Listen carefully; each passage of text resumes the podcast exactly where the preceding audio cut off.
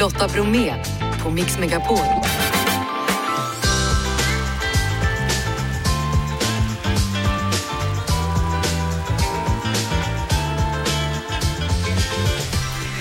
Hallå där och varmt välkommen till oss så här efter klockan 16. I dagens torsdagsmix, Jessica McDowell har skrivit en bok om att leva i en destruktiv relation, men också om hur man tar sig ur den. Hör henne efter klockan 17. SD-bögar, jo då, de finns såklart också. Erik Galli berättar mer om det efter halv sex. Och dessutom så hör vi om, ja, en bisafari. Vad kan det vara för någonting? Vi berättar. Och alldeles strax ska vi prata med vinnaren av Sveriges Mästerkock VIP. Nu kör vi! Kul att du har hittat till oss. Nu är det dags för mig att säga hallå till vinnaren av Sveriges Mästerkock VIP detta år, Karin da Silvia. Hallå! Hallå! Och ett riktigt stort grattis hörru! Ja men tusen tusen tack! Vi kan säga så här då att vi hade en undersökning ute igår bland våra lyssnare på Mix Megapol och samtliga hejade faktiskt på dig så du hade ett stort stöd när du Åh. skulle besegra Simon Sköld, MMA-fighten i, i den här matchen. Ja, vad härligt att höra. Tack för det. Nu sällar du dig då till sådana kulinariska storheter som Erik Gadd och Jesper Blomqvist. Är du överraskad att du gick hela vägen? Jag trodde faktiskt inte att jag skulle gå hela vägen när jag väl, liksom, när vi satte igång tävlingen. Men sen blir det ju, jag är ju en väldigt här, tävlingsmänniska, eh, så man känner ju när man går vidare från en vecka till en annan så känner man så här, men då kan jag lika gärna gå vidare till nästa. Men då kan jag lika gärna gå till semifinalen. Då kan jag lika gärna vara i final. Äh, då kan jag lika gärna vinna. Blir Ja. liksom. Och så står du där i finalen och så ska ni servera förrätten och så har du glömt löken. Jag vet. Och det kände jag bara så här, tänk om en liten rödlöksbit blir att jag inte tar hem det här. Men eh, det gick ju bra ändå trots att jag inte hade någon lök. Ja, jag läste någonstans att du hade tänkt att jag vinner nog inte finalen så därför kan jag börja tänka utan någon stress på vad jag ska ha för meny. Var det så? Ja, nej, men jag hade inte ens börjat planera vad jag skulle laga överhuvudtaget förrän liksom några dagar innan. Det var ju många av deltagarna som hade så här, mm. nu går jag till final, då har jag liksom den här min, jag har övat på allting och sådär. Men två dagar innan så var det så här, men gud shit, nu är jag i, eh, nu är jag i final så då måste jag eh, komma på någonting. Och det gjorde du? så det var lite improviserat. Ja, alltså Erik Gadd han har just givit ut en kokbok och Jesper Blomqvist han har ju öppnat en pizzeria, eh, restaurang. Mm. Vad blir ditt nästa projekt då? Ja, men vi får se. Jag har lite roliga idéer på gång så får vi se eh, vad det blir av de här idéerna. Ja, för visst är det så att du har haft ett café förut, även om den var för hundar? ja, exakt. Jag hade ett hundcafé för många år sedan. Eh, där kanske inte var så mycket mästerkocksmat utan mest eh, kafémat. Men eh, jag tycker ju sånt är väldigt roligt. Mm. Men eh, jag tycker också det är väldigt roligt att göra TV. Det kanske blir någon eh, kombination. Sådär ja. Eh, slutligen då, Karin da Silva, som regerande mästare då, Sveriges Mästerkock VIP, kommer det kännas annorlunda för dig att laga mat från och med nu? Nej men nu får man lite press på sig. Det är många som säger så här, gud nu kommer vi inte våga bjuda dig på middag. Men det är ju jag som inte kommer våga bjuda folk på middag för det är ju jag som har all press på mig. Eh, och sen tror jag fortfarande att eh, mina barn föredrar liksom mamma ska köttbullar framför mina egna. Man vet inte, det, det kanske är mamma, mamma de Silvas köttbullar i fortsättningen. Exakt, Så kan det bli. Det. Ja. Tack ska du ha, än en gång stort grattis Karin. Tack snälla.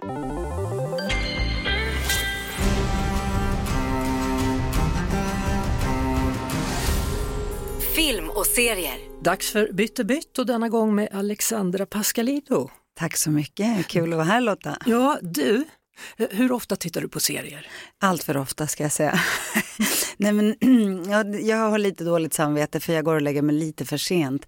Men jag gör väl det nästan varenda kväll. Men, men är du sån som ser allting på en gång eller kan du spara lite och ta en i taget? Avsnitt. Jag vill, jag vill väldigt gärna sluka allt samtidigt helst. Eller men, så, men det blir ju lite problematiskt när man som jag ser åtta säsonger just nu och försöker mata sig igenom dem. Vad är det för åtta säsonger? Ja, du, vad är det för åtta säsonger? Det här är så pinsamt, jag skäms lite för att säga det här för folk kommer håna mig. Men jag ser äntligen Friends. Jaha, okej. Nej, men jag missade den på 90-talet för då studerade jag och jobbade jättemycket och eh, ja, var så aktiv i massa olika föreningar. Vad vet jag, jag hade fullt upp. Så jag hann inte se den och nu är jag helt besatt och jag vill flytta in och bo med Friends. Nu ska du veta en sak, att inte heller jag har sett Friends. Däremot har jag varit i studion där man spelade in det. Har du? Wow! Så vad, är det jag har missat? Du Förklara. har, missat, nej men du har missat den här sötman i vänskapen, att folk bara kommer in och ut, det är öppna dörrar, det är vänner, man följer liksom, de följer och delar allting och det känns så härligt och livsbejakande och jag vill bo i ett sånt där kompiskollektiv. Men jag varvar den, ska jag i sanningens namn säga, med Succession. Åh, Succession. Nej men eller hur, och alla dessa eh, liksom blinkningar och, och eh, associationer till grekisk mytologi och de antika dramerna älskar jag. Men den är också väldigt dyster, den Oj, är mörk och cynisk. Därför måste jag lätta upp med Friends. Ja, du ska faktiskt få en dokumentär miniserie av mig på Netflix. En serie som heter Jobbet, vad gör vi hela dagarna? Man har gjort en, en dokumentärserie, inte så jättemånga eh, avsnitt, men man har kollat då varför jobbar människor? Gör man det för att försörja sig? Gör man det för att det är ett kall? Gör man det för att få en speciell lön eller en speciell position i samhället? Det är spännande att lyssna på de här människorna som de har intervjuat. Men kan du spoila, varför jobbar vi? Ja, det är lite olika skäl man har va? Ja, Var, varför jobbar du? Ja, precis. Nej, men, eh, det, det primära är ju försörjningen, men sen är ju någon slags självförverkligande också. Men jag förstår, jag måste se den här dokumentären. Jobbet, vad gör vi hela dagarna, finns på Netflix och Friends då, hittar jag den? Jag hittar dem på HBO. Då tittar jag där och det är också där Succession finns. Då. Precis, och det är därför jag kan pendla mellan dem. Ja, tack så mycket för det tipset Alexandra Pascalido. Bytte bytt! Det blir- Lotta Bromé på Mix Megapol. Under förmiddagen så kom det larm om bråk mellan skolelever vid Munktellarenan i Eskilstuna. På plats just nu Filippa Fernqvist från TV4 Nyheterna. Vad ser du där du är just nu? Ja, alltså jag befinner mig Lotta nu exakt på eh, själva brottsplatsen som var avspärrad eh, här bara fram till en liten stund sedan. Eh, just nu så är det öppet här igen som om, som om ingenting hade hänt men var inte länge sedan som det faktiskt låg eh, knivskadade barn här på marken. Det låter oerhört dramatiskt när du säger inte förrän, alltså alldeles nyss låg det knivskurna barn här på marken. De initiala uppgifterna var att det rörde sig om då ett eh, skolbråk. De, här eleverna har då en friluftsdag idag och eh, det hade uppstått någon form av bråk då enligt de uppgifterna vi har fått in på TV4-nyheterna. Och nu så har vi fått höra då att flera av de här Eh, barnen då, eh, pojkarna som är 15 år gamla, eh, faktiskt är allvarligt skadade. Så det är dramatiskt, det är allvarligt. Eh, ändå. Enligt de uppgifterna som jag har så skulle det finnas tre skadade eh, barn i nuläget. Men sen hur pass skadade de, inte- de är, det vet jag inte. Eh, de senaste uppgifterna jag fick var att eh, några av dem ska vara eh, allvarligt skadade. Ehm, men eh, det har ju varit som sagt ett enormt polispådrag här under dagen och journalister från hela landet och även utlandet som har bevakat det här. Och den här skolan ska sedan tidigare ha haft en ganska orolig eh, skolmiljö där också eh, ett väktarbolag har hyrts in för att faktiskt se till att skoltiden blir så trygg som möjligt för barnen. Även väktarna har känt viss form av otrygghet och nu händer det här då inte alls kort efter. Har polisen gripit någon misstänkt? Ja, enligt de uppgifterna som vi har här nu då så är det två personer som ska vara eh, gripna eh, misstänkta för brott och enligt polisen så kan det komma att bli fler eh, som kan komma att gripas framöver. Men i nuläget två stycken eh, som det ser ut. Filippa Fernqvist alltså, TV4 Nyheterna. Tack så mycket. Med oss nu då Robin Folke från Eskilstuna-Kuriren. Hur skulle du beskriva stämningen i Eskilstuna? Den är tryckt sen, eh, sen eh, över ett år tillbaka, som man kunna säga. Eskilstuna är den eh, kommun eller den stad i Europa näst efter Ukraina som haft mest skjutvapenvåld förra året. Det säger ju ett och annat. Det handlar inte om skjutvapen i sig utan knivar, men likväl det är dödligt våld. Det är väldigt tryckt stämning i stan sedan länge. Så efter en sån här händelse då så lär det ju inte bli bättre. Vi hörde ju här att det till och med har hyrts in vaktbolag för att få det lugnt på själva skolan. Är det så illa? Ja, vad gäller just den aktuella skolan eh, så eh, är det nog tyvärr så illa. Eh, och som Filippa sa här så har även vaktbolaget uttryckt eh, oro kring sin egen säkerhet. Man ska väl kanske inte överdriva heller, eh, för jag vet heller inte detaljer kring, kring hur den otryggheten skulle se ut. Men, men det är väl, man kan väl ändå säga att, att det inte är en bra stämning på skolan. Vet du något mer vad gäller antalet skadade och övriga barn som var på den här friluftsdagen? Eh, det ska vara samtliga eh, nio, årskurs nior eh, på den här skolan. Exakt hur många det rör sig om vet jag inte. Min uppgift är att det är fyra enligt sjukvården ska vara två vara allvarligare skadade medan två ska vara mindre allvarligt skadade. Mm. Vad nu det eh, betyder. Och resten av de eleverna som inte var inblandade i det här har fått gå hem, utgår jag ifrån? Ja, det utgår jag också ifrån utan att ha exakta uppgifterna. Tack så mycket Robin Folke från Eskilstuna-Kuriren. Du lyssnar på Lotta Bromé på Mix Megapol. För första gången så har Sveriges bästa hundkommun utsetts genom en undersökning av Agria där 290 kommuner har bedömts stå utifrån tillgång till bland annat närhet till grönområden, veterinärvård, kursverksamhet för att träna hunden, hundvänliga restauranger och kaféer och hundrastplatser. Och vinnaren 2023 är Varberg. Bertil Olsson, där bor du och din 11 år gamla Cooker Algot. Hallå! Hallå, hallå!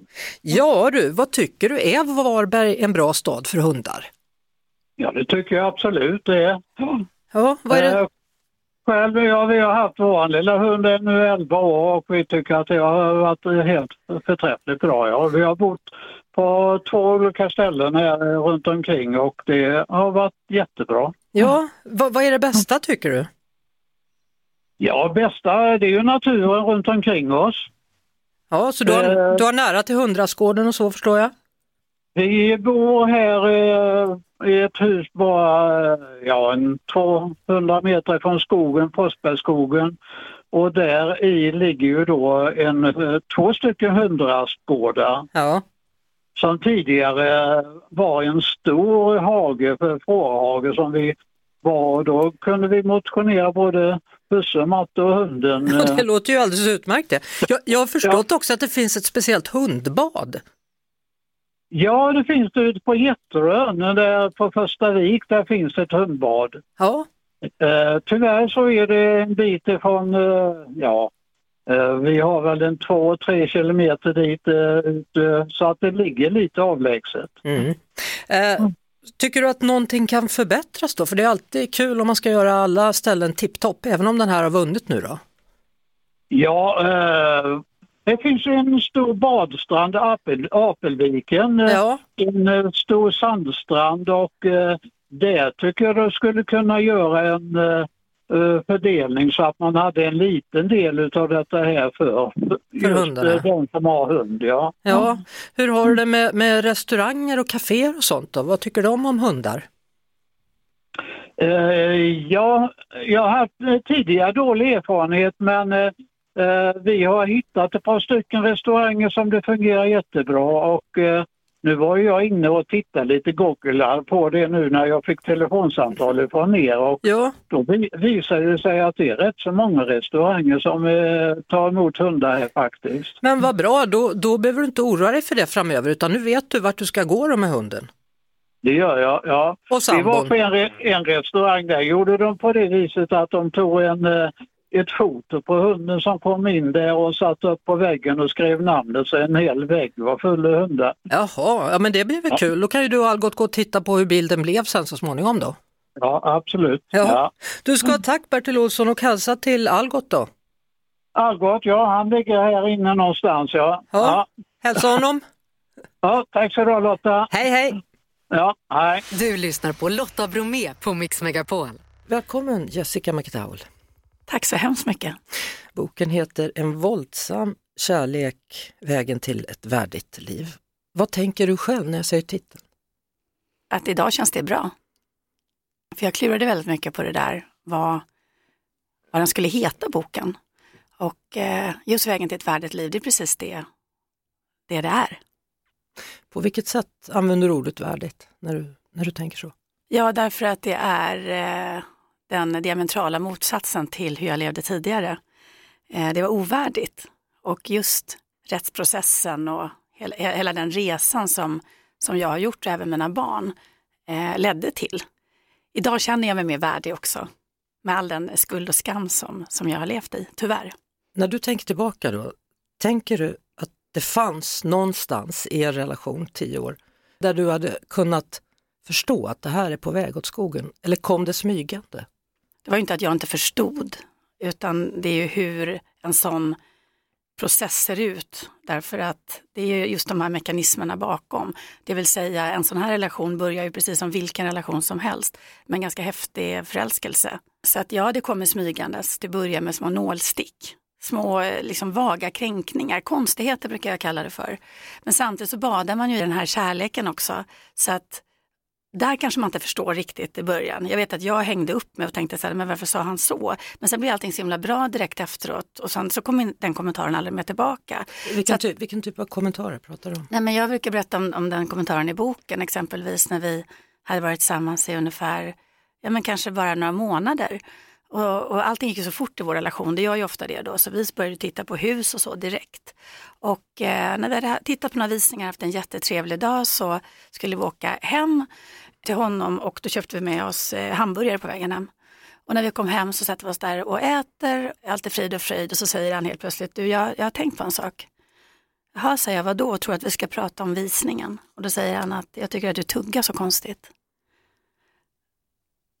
Jaha, ja, så var det inget mer med det. Eh, och sen var allting normalt igen och den kommentaren kom aldrig mer tillbaka. Men om du förstår vad jag menar med Mm. konstigheter. Mm. Det här kallas ju för den här normaliseringsprocessen, att båda parter förflyttar sina gränser. Det blir som en dödsdans. Så att eh, det som är fullkomligt otänkbart i början av en relation blir normaliserat och normalt senare. Och så börjar man så här irrationellt resonera med sig själv att ja, men det var inte lika illa som förra gången, det kommer bli bättre. Och, och det kan börja då med att du tuggar konstigt till att varför har du de kläderna? Varför har du de vännerna? Och till slut så är du Ja, avskuren. Men det är mycket, det är mycket mer eh, utstuderat, väldigt inlindat i, eh, kanske så här istället. Jag tycker du passar jättebra i beige. Och jag är en person som älskar starka färger och eh, liksom rött nagellack och sådär. Eh, jaha, och så vill jag ju vara vacker framför honom. Och så köper han kläder till mig och allting går i beigea toner. Och att det är så fint med pärlemorfärgade naglar exempelvis. Nu pratar jag utifrån oss då. Och helt plötsligt så börjar man ju förändras för att passa in då.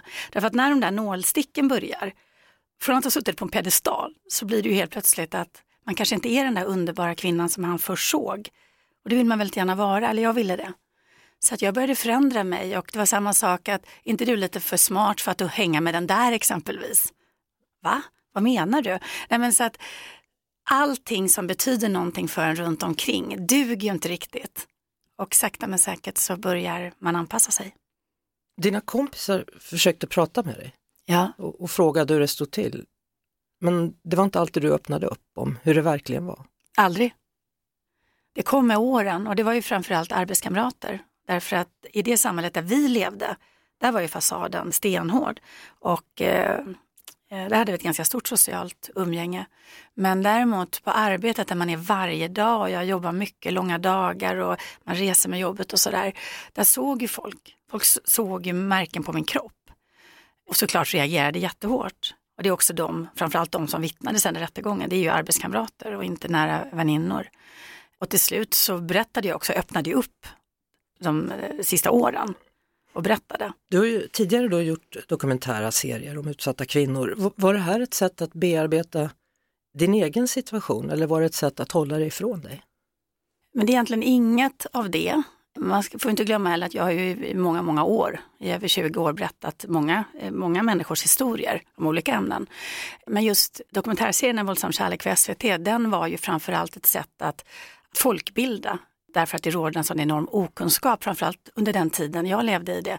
Så att, att lyfta mekanismerna bakom våld i nära relation blev jätteviktigt för mig. Därför att jag tror att, att man pratar mycket om det här med tystnadskultur och att, att människor eh, vänder ryggen och, och det gör de också, vilket är förödande. Men det handlar ju jättemycket om okunskap och rädsla. Och om man förstår mekanismerna bakom, då kan man ju också, om man står bredvid maktlös, eh, hjälpa till.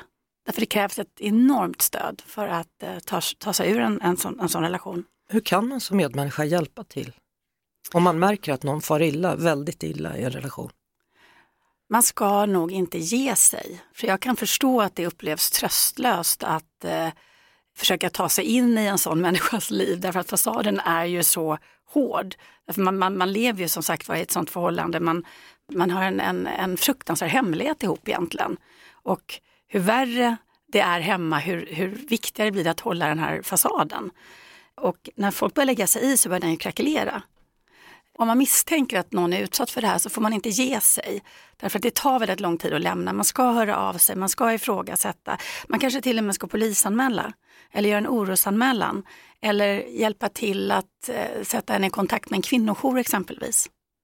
V vad är det som slutligen får dig att bestämma dig för att jag måste härifrån, jag måste ur den här relationen?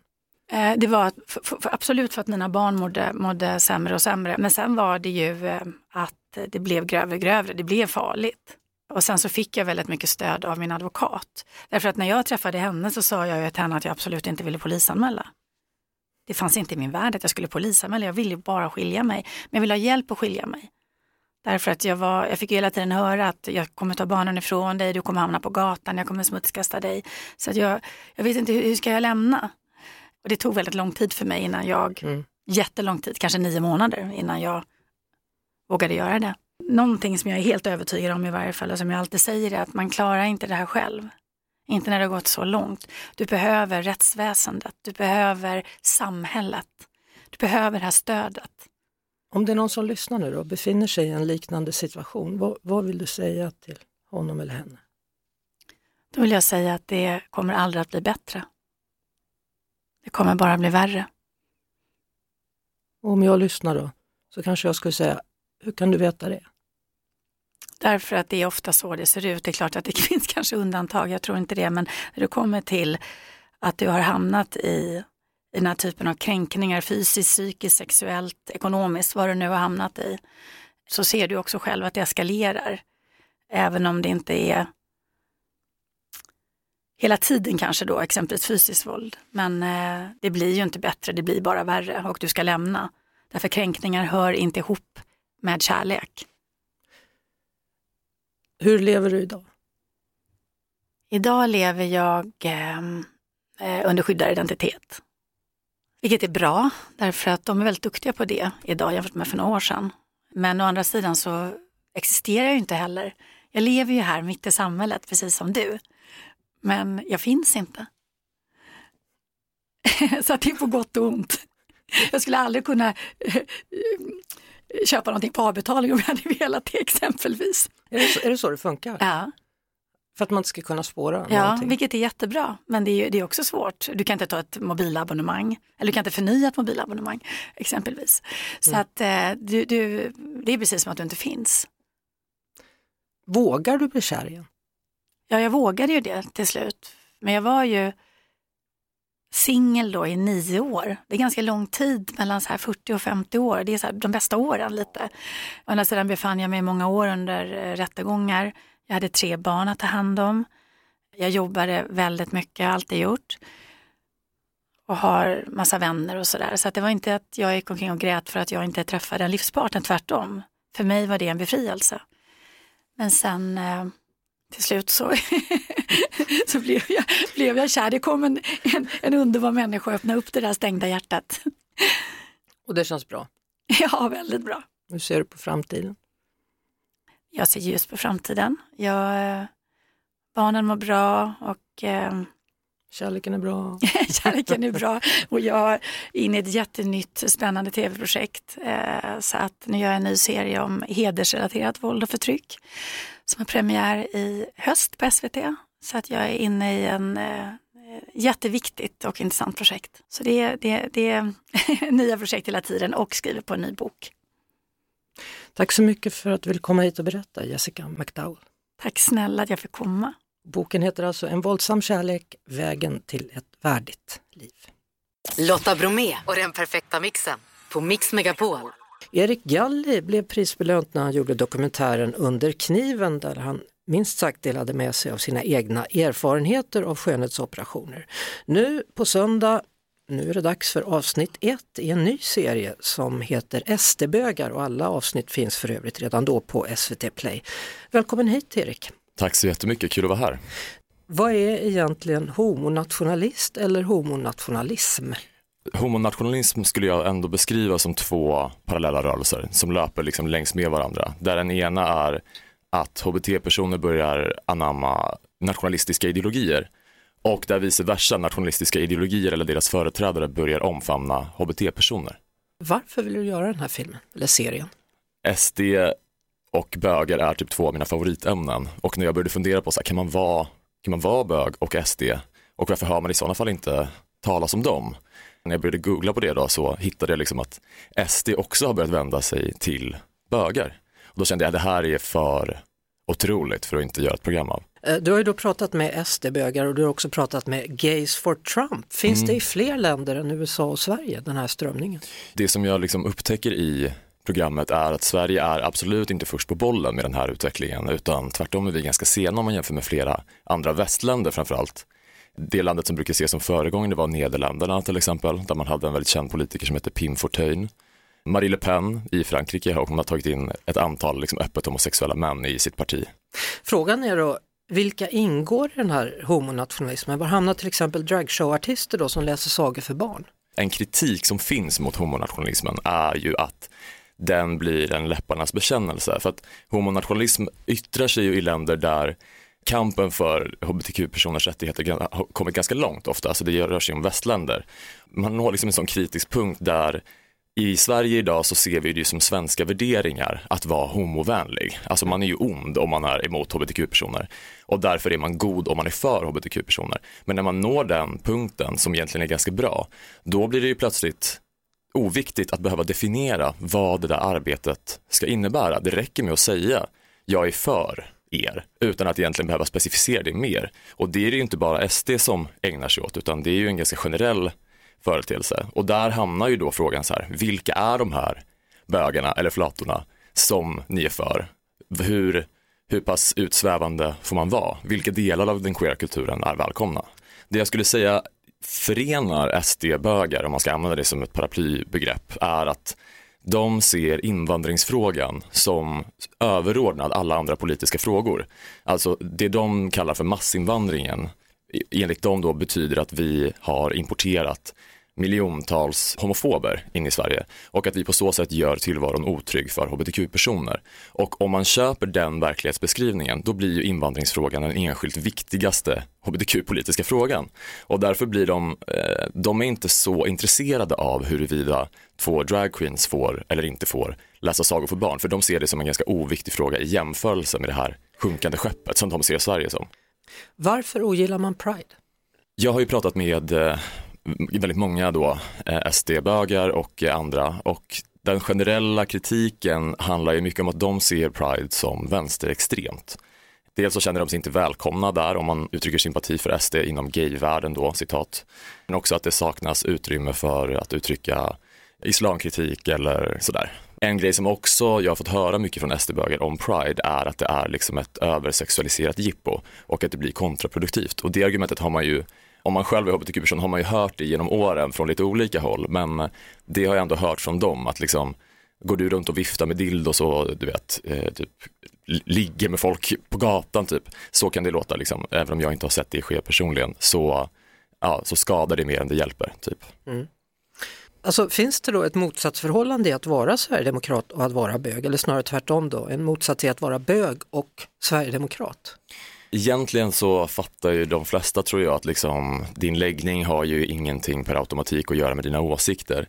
Det finns ju en motsättning, en potentiell motsättning på så sätt att Sverigedemokraterna inte är ett parti som har gjort sig kända för sin hbtq-politik. De har nästan ingen och de röstar generellt emot förslag som har med hbtq-personers rättigheter att göra. Men jag skulle faktiskt inte säga längre att det finns en motsättning i och med det här som jag sa tidigare, att tycker man att invandringsfrågan är överordnad alla andra frågor och den enskilt viktigaste frågan för hbtq-personer, då blir alla andra frågor per automatik mindre viktiga och då finns det kanske ingen motsättning längre egentligen. Såvida man inte är en hbtq-person som råkar illa ut direkt av eh, sverigedemokratisk politik. Till exempel de två dragqueensen som gör Drag Story Hour i Sverige. Det skulle vara svårt att inte säga att det hade varit motsägelsefullt om de också röstade på SD just nu. Mm. Hur tänker du då? Tänker du annorlunda nu i efterhand mot vad du gjorde innan du gjorde den här serien? Programmet handlar egentligen ganska mycket om grupptillhörighet generellt tycker jag och, och om vad Sverige är och sådär och identitet. Liksom. Och det som jag har insett är ju kanske att dels att det här är mycket större än vad jag har trott och att mina egna tankar om vad liksom gayrörelsen är kanske bygger ganska mycket på en romantiserad bild som egentligen kanske inte har så mycket med verkligheten idag att göra. Alltså min egen identitet visade sig vara mycket, mycket grundare än än vad jag trodde. Om man nu är ledsen över att gayrörelsen eh, saknar sammanhållning typ eller att det håller på att uppstå en stor klyfta, då kanske man ska vända sig inåt lite och fundera på så här, hur mycket har du själv gjort för att skapa, liksom, upprätthålla den här rörelsen som du romantiserar så mycket. Mm. Vilket mottagande tror du att du kommer få då? För det här är ett ganska känsligt ämne. Äh, nej, men jag är svinnervös, alltså jag vet verkligen inte. Det är ju första gången jag jobbar med ett ämne där det liksom är dödshot och så redan innan publicering till och med. Så Både är... mot dig och eventuellt medverkande? Eh, jag har inte fått dödshot, men eh, medverkande har fått. Man märker ju att det är en upptrissad stämning såklart. Och eh, det här är liksom första gången när jag behöver göra någon slags säkerhetsanalys i förväg om det är några av mina medverkande eller jag som kommer att behöva liksom oroa sig. Och jag vet inte om jag kommer bli cancelled av liksom både högern, vänstern och gay-communityt och hela köret. SVT1 på söndag klockan 22 kommer avsnitt 1 och alla avsnitt finns redan då på SVT Play och programmet heter alltså SD-bögar av Erik Galli. Tack för att du kom. Tack så jättemycket, det var jättekul. Lotta Bromé och den perfekta mixen på Mix Megapol. Topp fem frisyrer med Natalie. Nummer fem. Ja, men jämlångt hår. Nummer fyra. Snygg bob. Just det, det hade man när man var syntare. Mm. Nummer tre. Där sätter jag nog luggen. Inte snedbena utan riktig lugg. En riktig rak lugg, en bara spikrak. Nummer två. Min lobb som jag älskar. En schysst snygg page. Nummer ett. Gardinluggen. Gardinluggen och väldigt uppklippt i lager. Så himla snyggt. Det börjar bli dags för oss att säga tack och hej för idag innan Erik Myrlund, eller Erik Myslund som vi föredrar att kalla honom för, tar över det hela. Jeanette, Janne och Lotta säger tack och hej. Producent precis som vanligt Jeff Neumann. Vi hörs igen imorgon. Tills dess, ha det bra. Ett poddtips från Podplay. I fallen jag aldrig glömmer djupdyker Hasse Aro i arbetet bakom några av Sveriges mest uppseendeväckande brottsutredningar går vi in med hemlig telefonavlyssning och, och då upplever vi att vi får en total förändring av hans beteende. Vad är det som händer nu? Vem är det som läcker? Och så säger han att jag är kriminell, jag har varit kriminell i hela mitt liv men att mörda ett barn, där går min gräns. Nya säsongen av Fallen jag aldrig glömmer på Podplay.